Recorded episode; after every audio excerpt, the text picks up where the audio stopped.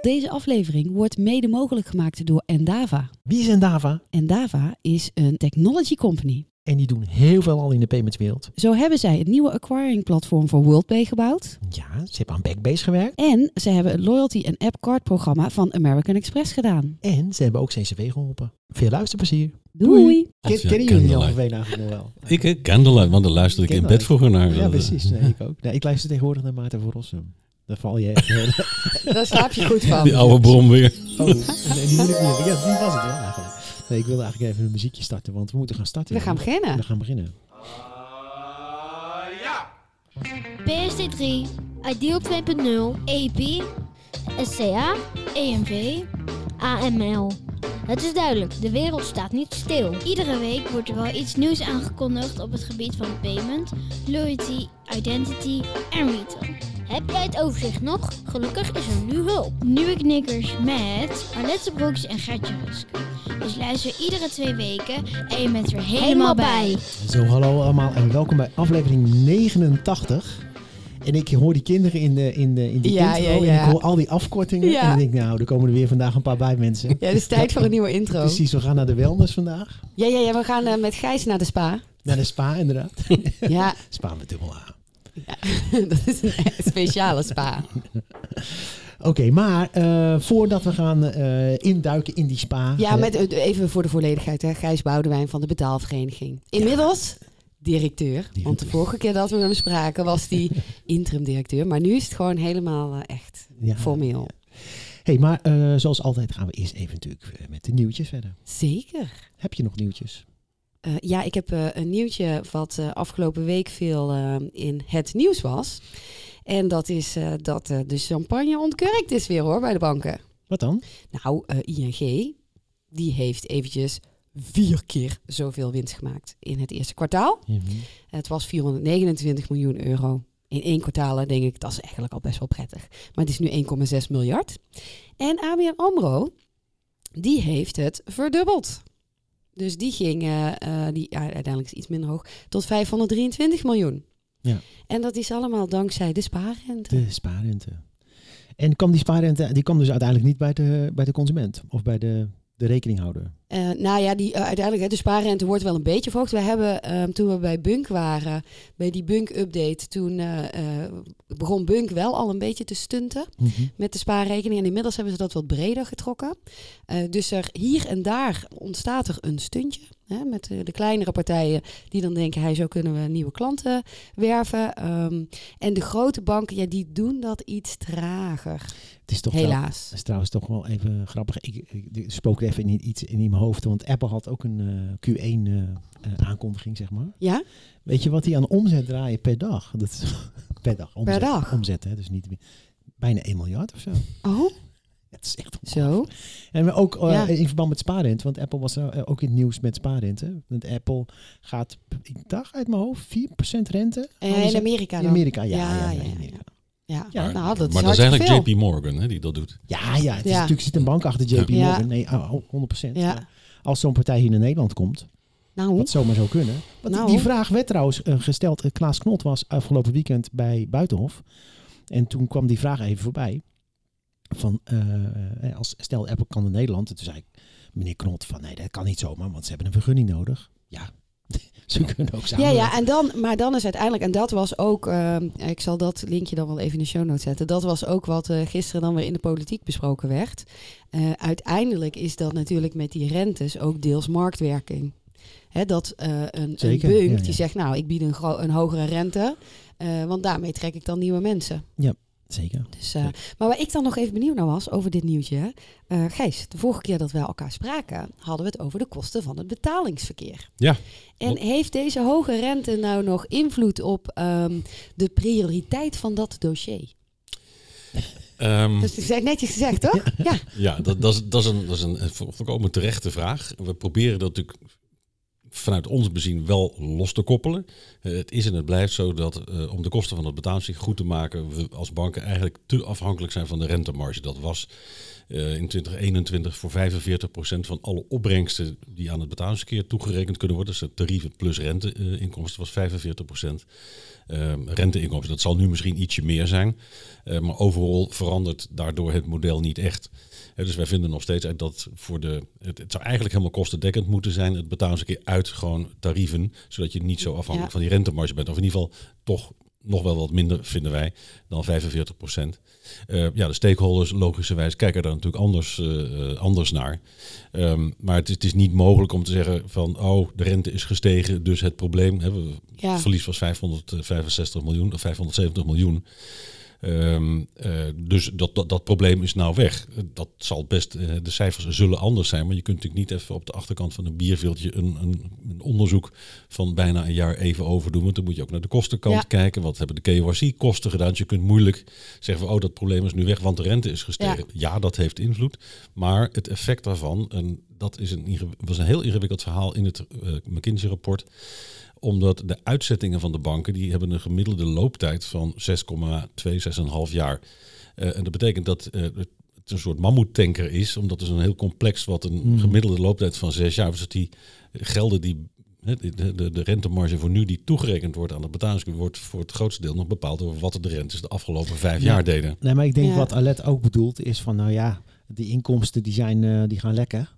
Het dus uh, die, ja, die kosten. Maar, ja, nou ja, maken we ons nu niet meer zo druk om. Dat, maar nee. wat ik eigenlijk wel denk, um, uh, want dat was inderdaad wat ik bedoelde, maar Gijs, als ik jou zo hoor praten, um, wat natuurlijk een tijd geleden gebeurd is met hypotheken, is dat gezegd is van ja, maar we moeten de kosten en de opbrengsten veel transparanter maken.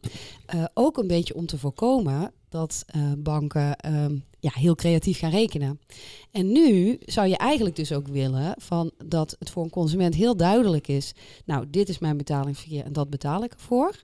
En dan vervolgens, dit is mijn spaarrekening en dat krijg ik ervoor. Ja. En nu is dat eigenlijk zo vervlochten in elkaar met als nadeel dan ja, banken zich dus ook daar dan achter kunnen uh, verschuilen. Van ja, maar ja, daar kost het zoveel. Dus uh, ja, we kunnen dit niet zomaar uh, één op één doorboeken aan de consument. Dus misschien moet je juist wel dus naar een veel transparanter model. Um, waardoor het dus ja, beter inzichtelijk is. Ja, nou ja, in, in theorie, ook in 2005 toen we de, voor de eerste keer dit onderzoek deden, was dat ook wel van, ja, zou je niet inderdaad echt alles precies moeten tariveren met de kosten die het is. Tenminste kosten dekken, maar met directe tarieven. En dan zou je dus in theorie ook aan de rentekant, als je die kruissubsidiering dan uitschakelt, dan zou die beloning voor degene die een hoop spaarcentjes hebben, die exact. subsidiëren nou het betalingsverkeer. Dus je, ja. kunt, je kunt redeneren dat dat transparanter zou kunnen, maar in de praktijk is dat toch verrekt lastig. Ja, maar ja, het is natuurlijk wel jammer, want uh, wat je nu ziet, en dat gebeurt dan natuurlijk ook weer in de politiek, um, is ja wel dat er gewoon al meteen uh, woorden als, uh, nou ja, het is dan niet grijflatie, want het is iets, een iets andere categorie, maar wel van, oh ja, heel veel mensen hebben het echt wel moeilijk. En op andere plekken worden hele hoge winsten gemaakt. En dan um, is het uh, uh, leuk dat de um, marketingafdelingen en ook de uh, maatschappelijk betrokken afdelingen binnen banken heel erg werken aan kijk eens hoe betrokken wij zijn. Maar onderaan de streep blijft er dan toch een ander gevoel over bij consumenten, denk ja. ik. En dat is gewoon jammer. Voor ook voor al die mensen die wel heel erg hun best doen binnen die banken om goede dingen te doen. Want ja, 1,6 miljard in een kwartaal. Ik vind dat ook wel klinken als heel veel. Dat was mijn pleidooi. nee, nee, nee, nee, dat was gewoon mijn punt. Ja. Nee, maar goed, dat, dat, dat is iets wat al heel lang zo is. Er wordt, ik kan alleen voor het betalen eens een keer praten. We hebben het hier in het hartstikke goed voor elkaar. Zeker ook in, in Europees perspectief. Dat geeft iedereen toe. En toch krijg je dan zo'n reflex die, ja, maar die winsten. En, ja. en, dan, en ineens is al, al die credits zijn weg ja, van exact. wat we dan zo goed gedaan hebben. Dat vind, dat vind, ik dus ook ja, heel frustrerend. En, want ik snap het wel. Ik snap wel dat mensen zo gaan denken. Ik bedoel, ja, ik denk dan ook zo. Een groot bedrag en uh, kan dat niet wat minder. Mm -hmm. um, maar ik vind dat zonde als ik zie dat er goede dingen gebeuren en dat die dus ondersneeuwen. Het is toch eigenaardig dat niemand zich dan zorgen maakt of zich opwindt over de nog veel grotere winsten van het bedrijf als Apple, wat dan meer dan 2 miljard 2000 miljard waard is op de beurs. En ja. jij noemde het net, ja. uh, omzetten per dag maakt waar de banken niet van durven dromen. Ja, bizar toch hè? Ja, ja bizar. Ja. Uh, iets met imago, denk ik. Ik weet niet. Ja, uh, zal. Uh, laten we doorgaan, want nou, je begon net zelf al. We hebben het lekker geregeld in Nederland met, qua betalingsverkeer. Maar toch schort er nog wat aan. Tenminste, daar gaan we het vandaag onder, onder andere over hebben. Want we gaan het met... Oh, eh ik, dacht dat je het over de overstapservice wilde hebben. moet je het daar nog over, over hebben? Nou, nee, maar daar was, was gisteren de Kamer kennelijk ook even over. ja, de minister, die, die, die, die, die, die had een ten, tenminste, het leek erop alsof de minister geprobeerd had over te stappen, maar die vond het nogal moeilijk, toch? Ja, dat zou het niet moeten zijn, want de overstapservice is volledig digitaal en werkt als een trein. Dus Ja, ik neem aan dat ze het geprobeerd heeft zonder de ik denk overstapservice. het. En anders moet ik een keer Ja. bij mij komen, want ik ben echt Ja, ervaringsdeskundige. je bent een overstappro. Ja, ja. Nou, maar ik denk dat dat sowieso altijd het ingewikkelde is natuurlijk. Dat aan de ene kant eh, betalingsverkeer eh, is iets waar we allemaal mee te maken hebben. Maar eh, the devil is always in the details. Dus het wordt heel vaak heel eh, generaliserend gebracht. Waardoor eh, ja, eigenlijk dan toch weer net de plank wordt misgeslagen. Ja. Hé, maar Spa, met dubbel Ja, A. laten we naar Spa Ja, gaan. wat is Spa, Gijs?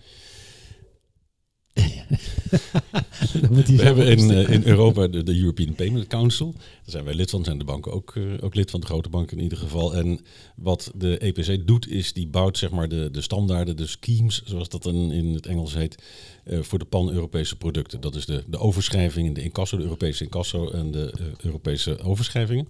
Ook instant payments, hè, die we Ja. in Nederland hebben, gebaseerd op de rulebooks van de European Payments Council.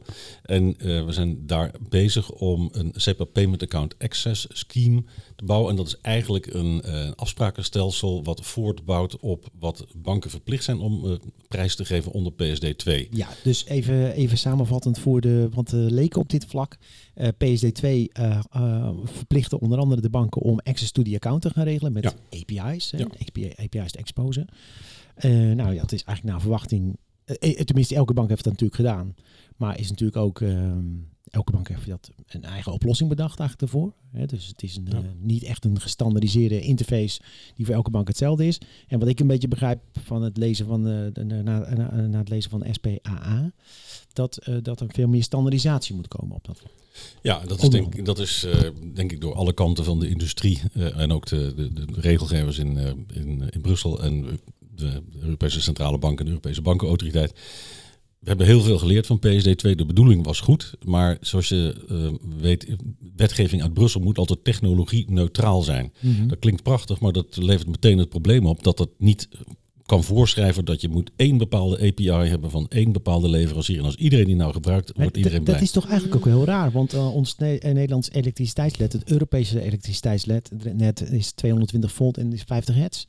Ja. Dus Ja. ja. Maar in die wetgeving is het vrij abstract gehouden. En Dat wordt vrij abstract gehouden, want men wil. Ja, invullen. dus we leven in Europa niet in een centraal geleide planeconomie, maar in een vrije markteconomie. En dat is dan de prijs die je daarvoor betaalt. En dan moet je dus hopen dat de markt als vanzelf zal convergeren naar min of, min of meer geharmoniseerde oplossingen. Dat is onder PSD2 uiteindelijk ook wel gebeurd. Alleen, eh, het is een heel ingewikkeld verhaal. Je hebt een aantal standaardisatie-initiatieven om die, hè, die, die API's, die, die toegangspoortjes, om die te, te, te, te specificeren. Eh, maar dan zie je dat, ja, in Duitsland hadden ze de Burling Group en in Frankrijk hebben ze STED. En iedereen wil natuurlijk graag zijn eigen ding eh, houden. Dus, dus er is een, een, een aantal lokale smaken zijn er die grosso modo wel hetzelfde moeten doen, maar allemaal op een andere manier in, in technische zin. Maar verklaart nou het gebrek aan standaardisatie eh, ook misschien ehm, het feit dat niet heel veel consumenten gebruik maken van dit soort diensten? Mm, ja, en nee, dat hangt ook helemaal vanaf over welk land je het hebt. Kijk, eh, niet om onszelf weer op de borst te kloppen, maar we hebben hier natuurlijk eigenlijk alle use cases al hè, met Ideal, et cetera. Want een van de dingen was dat die derde partij, die zouden op jouw betaalrekening een betalingsinitiatie kunnen doen Ja. met, je, met jouw toestemming. Ja. Eh, ja, daar, in sommige landen waar ze niet een ideal-achtige Ja. toepassing hebben, was daar natuurlijk behoefte aan. Waar de fintech-achtige bedrijven, betaalinstellingen die dat soort diensten aanbieden. En in, hè, voor e-commerce betalingen. Maar dat was iets wat wij al sinds 2005 Klopt, ja. eh, in Nederland met Ideal geregeld hadden. Dus die, eh, die, die, die meest populaire use case in Nederland was die al voorzien eh, door Ideal. Nou, daarnaast heb je rekeninginformatiediensten waar je huishoudboekjes kunt maken of eh, makkelijk op basis van je rekeninghistorie al een soort kredietwaardigheidstoets kunt, eh, kunt doen. Dat is populairder.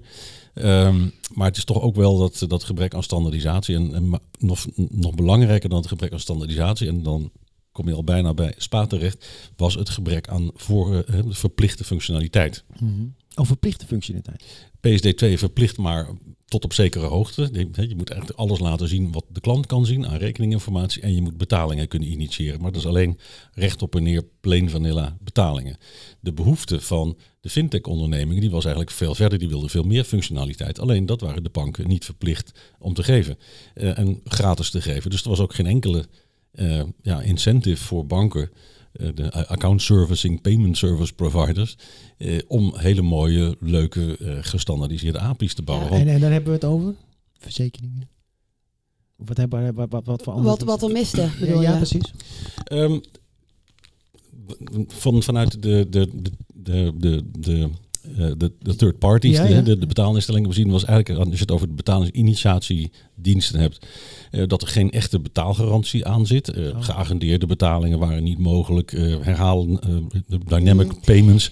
Ja, want dat heeft er meer mee te maken dat je in die regels was het, je moet eh, iedere eh, transactie moet je ook goedkeuren met Strong Customer Authentication. Komt er ook nog eens bij. Ja. Wat betekent dat je dus alleen maar de één op één betalingen kan Exact. doen. Alleen maar Ja. ik druk nu op de knop en dan wordt nu betaald. Ja. En je mocht niet dan zeggen van eh, je geeft nu goedkeuring om eh, de komende maanden iedere maand 10 euro te betalen. Want dat, dat zit er gewoon niet in. Nee, nou, het is dat soort functionaliteit wat gewoon ontbrak. En ehm, ja, nou goed, dan, dan zit je al een beetje in de aanloop van waarom dat spaarscheme er dan nu is. Want Mhm. dat beoogt eigenlijk juist al die manco's eh, in functionaliteit die de, de betaalinstellingen graag wilden hebben.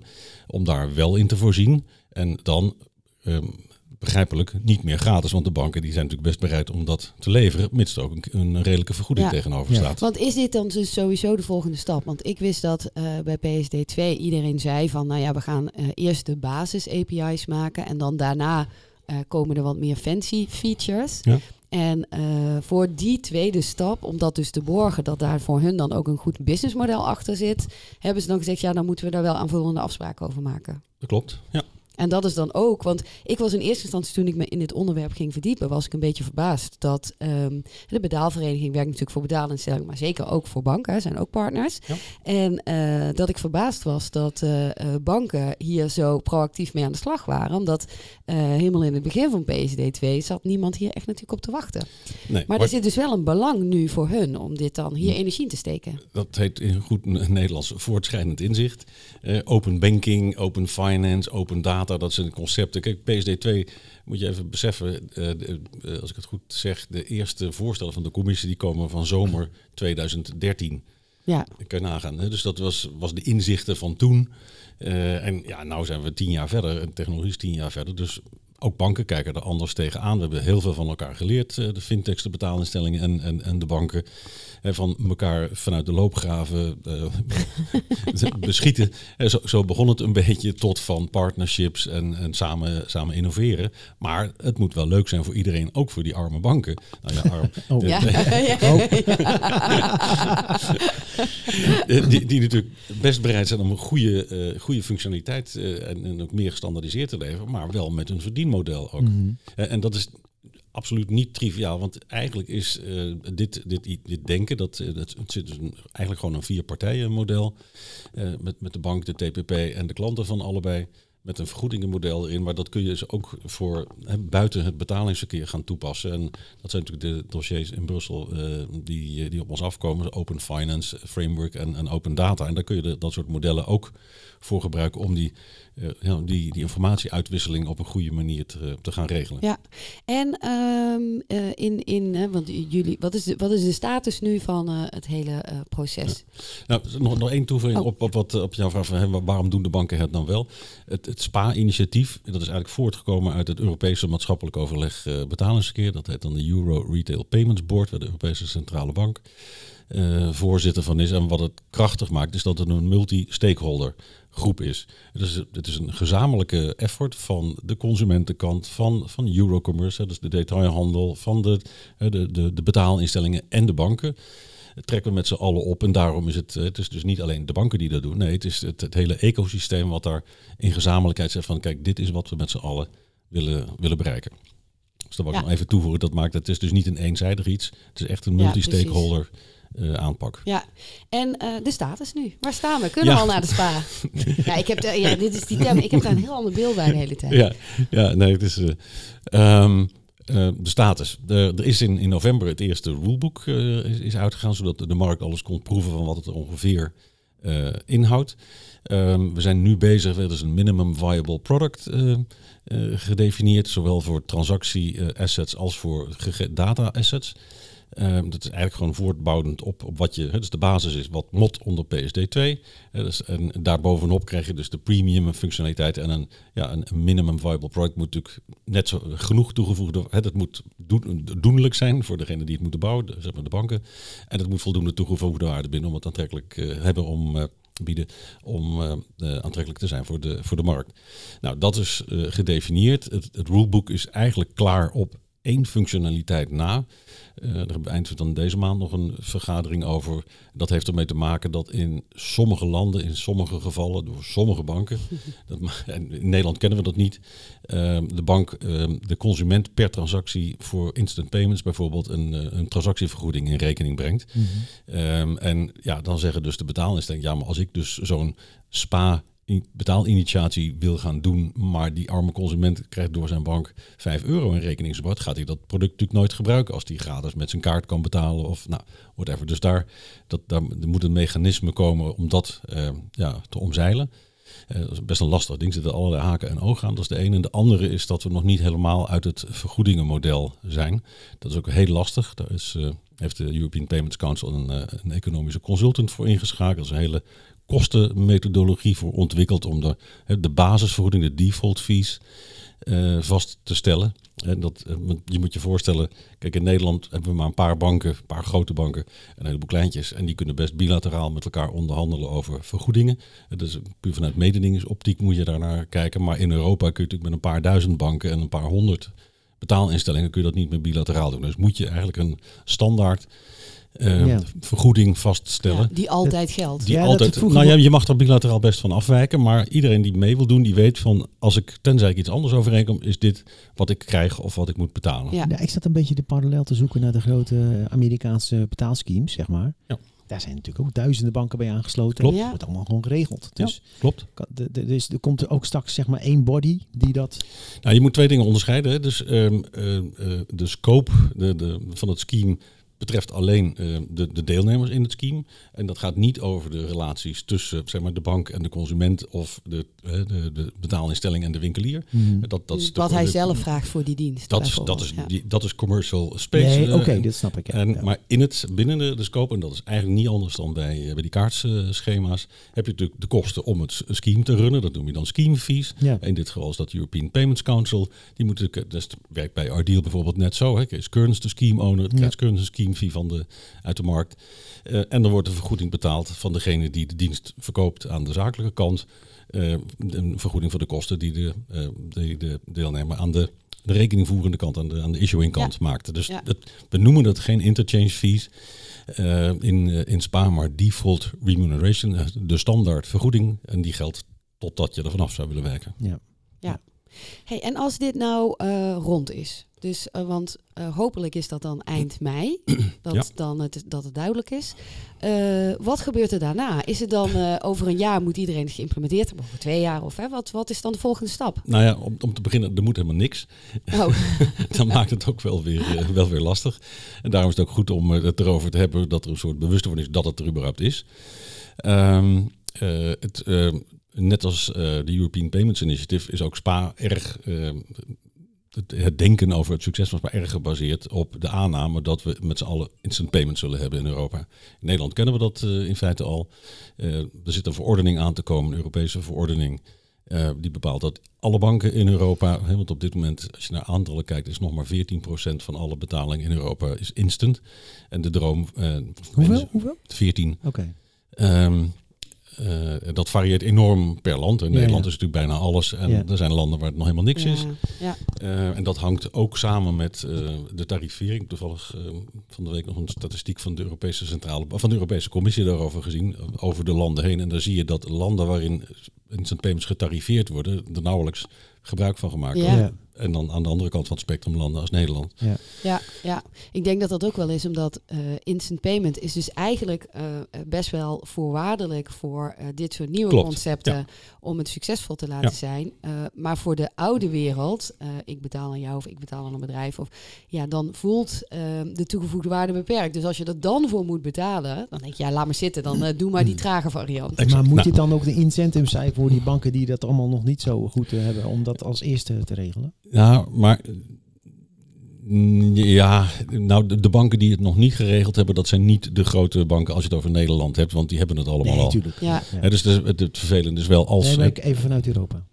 Ehm, ja, dat eh, vind ik moeilijk te zeggen. Maar het, het punt is dat die de Europese verordening gaat niet alleen instant payments verplicht stellen, maar die gaat ook verbieden Oh. om daar hogere tarieven voor in rekening te brengen dan voor Oh, een gewone ja, overschrijving. Ja. Dus er komt een non-discriminatiebepaling eh, in.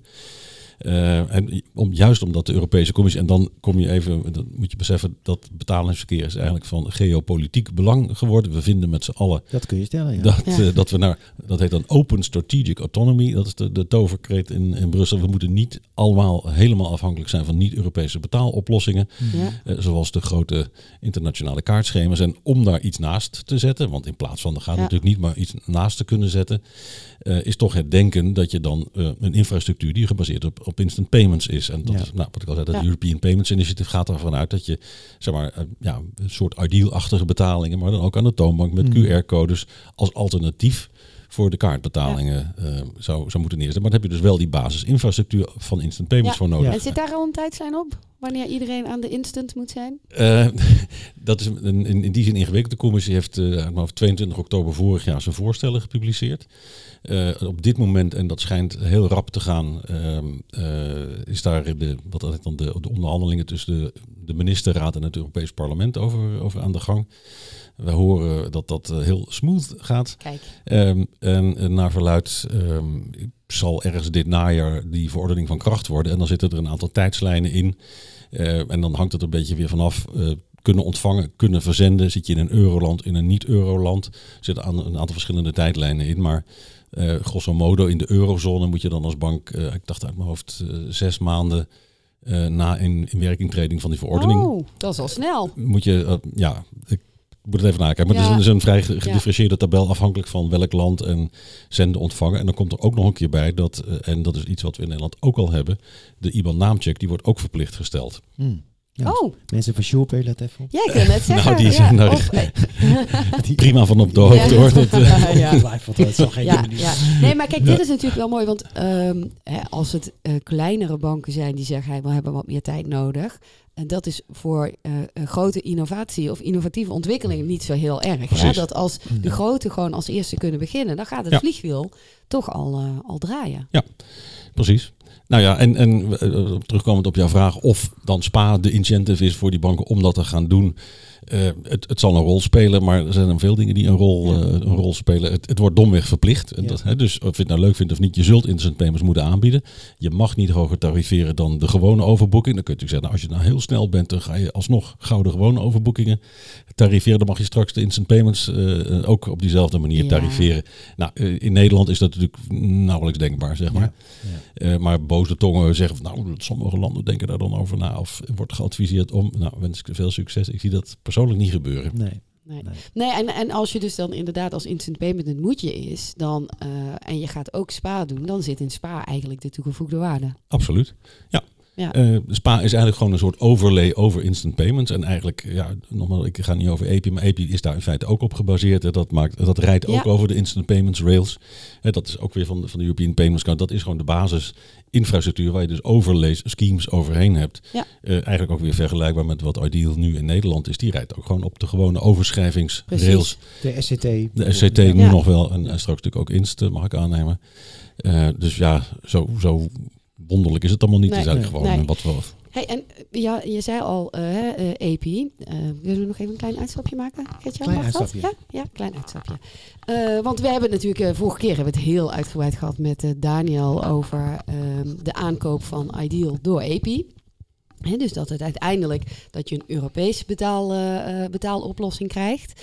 En ehm, nou ja, wij, eh, zijn er alle twee heel erg enthousiast over. Ik praat even ook namens jou, Jan. Eh, meer eigenlijk ook omdat mijn, laat ik het dan even bij mijn mening houden, is dat als je ehm, eh, voet aan de grond wil blijven houden, dan moet je uiteindelijk iets Europees bieden. En kun je niet volstaan met iets in één land. Dat zie je natuurlijk al bij een heleboel grote merchants. Die werken voor heel veel verschillende landen. Dus ehm, ja, ik denk dat dit is gewoon een hele logische stap eh, in de toekomst. Maar goed, er zijn ook mensen die ons eh, eh, offline benaderd hebben, waarbij de ene dan zegt: Oh ja, ik denk dat het fantastisch wordt. En er zijn ook, er zijn ook mensen die halen meteen de digitale euro erbij. Eh, maar ja, dan zit je in een iets andere categorie, denk ik. Hè? Die gooien alles op een hoop en zeggen: Straks weet, we- weet iedereen alles van ons. En, en nou, dat is dus niet zo, hè? want uiteindelijk blijf je ook EPI gewoon doen bij je eigen bank en niet ergens anders. Ehm, maar er zijn ook mensen die zeggen: Ja, nee, kip met de gouden eieren. Weg, poef. Hoe zie jij dat? Ja, en wie bedoel je nou met de kip met de gouden eieren? Eh, Nou, dat dat dan eh, ideal zou zijn. Oh, oké. en, eh, maar ik heb, nog, daar heb ik trouwens nog één kleine kanttekening ook bij. Ik weet niet, hebben we de vorige keer denk ik wel gezegd. Maar het is natuurlijk belangrijk om te weten dat de aandeelhouders van Ideal eh, niet hebben gezegd, alsjeblieft EPI, hier heb je het aan Toedeledoki. Maar zij zijn ook in EPI gestapt. Dus het is niet zo dat ze af Ze zijn eigenlijk met de kip meegegaan. ja, absoluut. Toch? Ik denk dat, eh, dat de, de, de overname van, of de aankoop, of hoe je het ook wil eh, formuleren, van, van Ideal door EPI, betekent dat ook de Nederlandse markt, in ieder geval de grote Nederlandse banken, nu ook meedoen. En hun logo staan natuurlijk ook op de EPI-website, Ja. waar ze voorheen niet stonden. ING misschien wel, maar dat was dan voor België met Ja, name. Eh, maar nu is de Nederlandse markt ook aan boord van, eh, van EPI. Ja, nou ja, en wat jij ook al eerder zei, is ook voor EPI, dat is precies hetzelfde dat ehm, eh, andere betaalinitiatieven die gebaseerd zijn op account-to-account, wat Ideal dan ook is, het in eh, Nederland eigenlijk altijd heel lastig hadden. Want ja, ga maar eens dan aan een consument uitleggen, waarom moet je nu op deze knop drukken in plaats van die knop die je altijd al gebruikte, terwijl de flow erachter vergelijkbaar is. Dus überhaupt, als je als EPI denk ik in Nederland wil uitrollen, dan zul je dat wel samen met Ideal moeten doen. Mag ik aannemen? Toch, ja? Kijk, Ja, ja, ja. daar weet ik het fijne niet meer van. Ehm, maar je mag aannemen dat, dat zowel eh, de e-commerce eh, winkeliers als de consumenten toch de verwachting hebben dat het minstens even goed blijft als wat we nu hebben. Ja, precies. En dat dat dan spannend wordt en dat dat een groot project is en dat het allemaal spannend. en, en dat het allemaal nog heel veel moet gebeuren. Dat is natuurlijk een feit, maar dat is met alle innovatie zo. Hè? Ja, dat is altijd zo. Maar het, het is, Ja. is helder, want sommigen denken ook van ja, hoe, hoe zit dat dan? Wat is dan EPI en wat is het verschil dan tussen EPI en SPA? Want het rijdt dan allebei op instant payments. Is, is dat nuttig om dat een heel kort Zeker. Ter, duidelijk- ter afronding. Zeker. Ter afrond. Nou, even, even heel kort wat, wat ik al probeerde uit te leggen. EPI is dus een consortium van, pri- van private banken die gewoon een mooie nieuwe Europese betaaloplossing bouwen, gebaseerd op account-to-account, op instant payments. Uh, Ideal achter. En EPI is eigenlijk complementair. Dat bouwt eigenlijk gewoon voort op de verplichting die diezelfde banken hebben, maar ook die derde partijen toegang tot de betaalrekening. Ja, Nee, spa, spa bedoel je? bedoel je. Spa, Ja, sorry. Ja. Jezus, nou Nee, ja, anders dan eh, zijn de luisteraars zijn Ja. Straks... dus, eh, dus als, als bank heb je geen keuze. Hè. Ook al word je lid van EPI, moet je nog steeds voldoen aan je wettelijke verplichtingen. Ja, tuurlijk. PSD2. En kun je ervoor kiezen, maar het is allemaal vrijwillig om daar bovenop ook eh, nog premium functionaliteit aan, Ja, aan die, ja. aan die Nou ja, en sowieso, hè, want die, die premium functionaliteit, natuurlijk, daar zit een eh, betaalcomponent in, maar ook een heleboel andere dingen. Hè? Want Ja. we kennen nu natuurlijk de eh, huishoudboekjes inderdaad, hè, zoals Dime, maar ook eh, ehm, beleggen met je wisselgeld, zoals Peaks. Eh, die maken daar gebruik van. En ook, dan heb je de zakelijke markt, en daar is Hessel natuurlijk altijd heel druk mee vanuit de Biscuit. Hè? Ja, ja, zeker. Eh, bij de zakelijke markt, en dat weten Gert-Jan en ik ook alle twee, als jij een boekhoudpakket hebt, dan is het wel super fijn als jij jouw rekening aan dat boekhoudpakket kan koppelen. Omdat dat boekhoudpakket dan gewoon heel makkelijk de afboekingen van jouw rekening matcht met de facturen die jij uploadt. Ja, Bunk. Ja, nee, die sturen mij nog steeds een zip-file. Nee, ja, ja, dat is. Nee, je moet ook. Eh, ja. Nee, maar, dus, maar daar, daar zitten natuurlijk even naast payments. zitten ook echt heel veel mooie use cases aan die kant. Ja, zeker. Ik ga de knop indrukken. Hey, Gijs, dankjewel voor deze uitleg. Ik kom helemaal verfrissend uit Spa. Ja, toch? Ja, Ja, ja, en dat we met je mee mochten naar de spa. Heel leuk. Precies, heel gezellig. Precies. En wij houden vinger aan de pols, hè? Of eh, eind mei dan eh, groen licht komt. Ja, dat gaan we zeker doen. Wordt eh, opgenomen in de nieuwe Knikkerskalender. En jullie bedankt voor het luisteren. En tot de volgende keer. Dan zijn En we heb je nog tips en tricks? stuur ons even een mailtje. altijd welkom. Hey, bedankt. Tot de volgende keer. Hoi.